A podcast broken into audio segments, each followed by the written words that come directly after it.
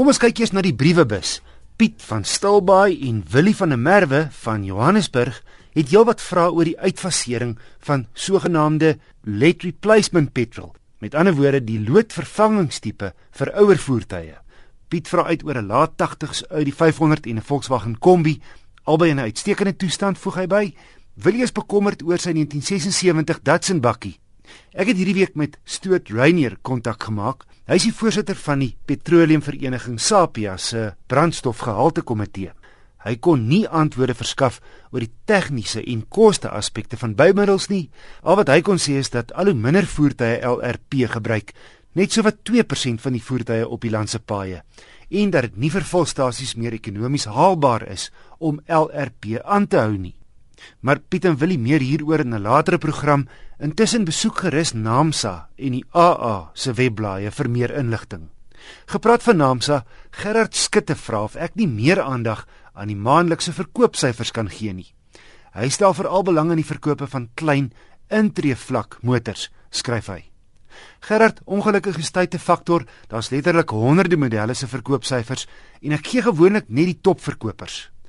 Maar ek stuur elke maand aan 'n klomp luisteraars naamsa se verkoopsyfers en ek voeg jou ook by op my e-poslys. En ander luisteraars is ook welkom om hulle e-posadres aan my te stuur sou jy elke maand die naamsa verkoopsyfers wil hê. Laat weet my net deur te skryf na wissel@rsg.co.za of rig enige ander motornavraag na wissel@rsg.co.za. Hulle kos eweveel, albei het vierwielaandrywing, aangedryf deur turbo diesels met rofweg dieselfde kraglewering, albei gekoppel aan 'n 6-spoed outomatiese ratkas, min of meer ewe groot met sitplek vir 7. In die een kant van die kruit Hyundai se middelste Santa Fe model, die Executive. In die ander hoek Chevrolet se top diesel Trailblazer, die LTZ. Ek en my kollega Justin Kennerly het eers die nuwe Santa Fe van nader bekyk, langer en laer as sy voorganger, maar ook luukser en meer stylvol binne en buite. Ja, lyk like glad nie sleg nie. Dat uh, ek weet jy sê die sierrooster het 'n bietjie te blink maak. Dit pas by die kar. Ek meen, dis nie 'n kar wat jy koop omdat jy wil wil wegsmelt tussen al die verkeer nie. Jy koop dit juist omdat jy wil uitstaan en vir die mense wys jy daar 'n bietjie smaak.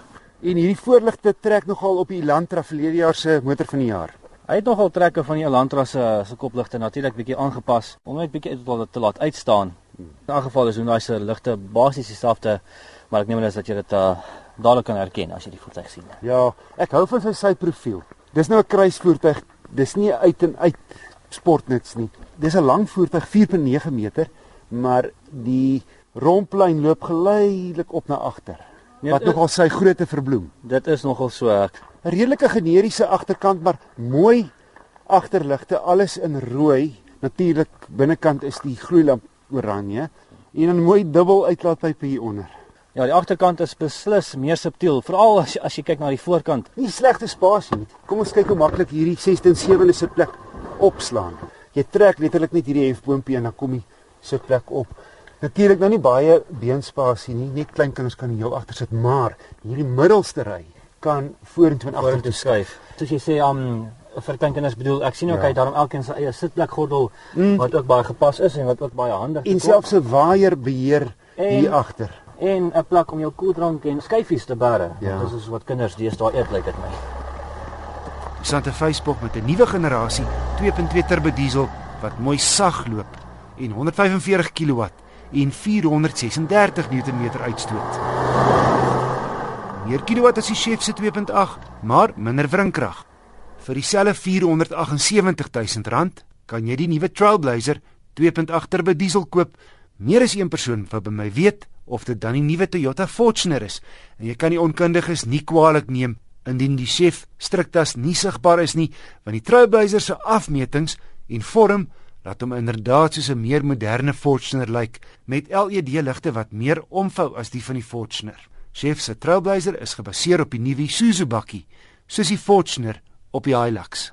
En jy kom dit agter, die masjien is meer lawaaierig as die Santa Fe en die stuurgevoel effens swaarder, nie ongerieflik nie, maar minder gesofistikeerd as die Hyundai. En om draaie meer bakrol as die Hyundai soos 'n mens kan verwag van 'n voertuig wat hoër staan. Die chef se hantering is effens lomper as die Santa Fe se, maar hy ry baie gemaklik op grondpad. En is hier waar die Trailblazer sy naam gestaan doen wanneer die pad begin rof raak. Sy grondvryhoogte is 'n volle 230 mm. Die Hyundai sin net 185. En anders as die Hyundai het die chef 'n laastrek ratkas. En jy kan maar 500 ppm diesel ingooi indien jy in die middel van nêrens vasbrand, terwyl die Santa Fe uitsluitlik die skoner 50 ppm diesel moet gebruik. So, watter een sou ek kies met 'n half miljoen rand in my sak? Wel dit hang af. Vir alledaagse gebruik die Santa Fe. Dis eenvoudig, meer elegant, luukser en stiller. Kortom meer gesofistikeerd en gebruik minder diesel. Maar vir die wat ook so dan en wan op 'n avontuurlike safari wil gaan en nie wil vassit of die kar krap nie, sonder twyfel die meer rigiede en robuuste bakkie gebaseerde Chef Trailblazer.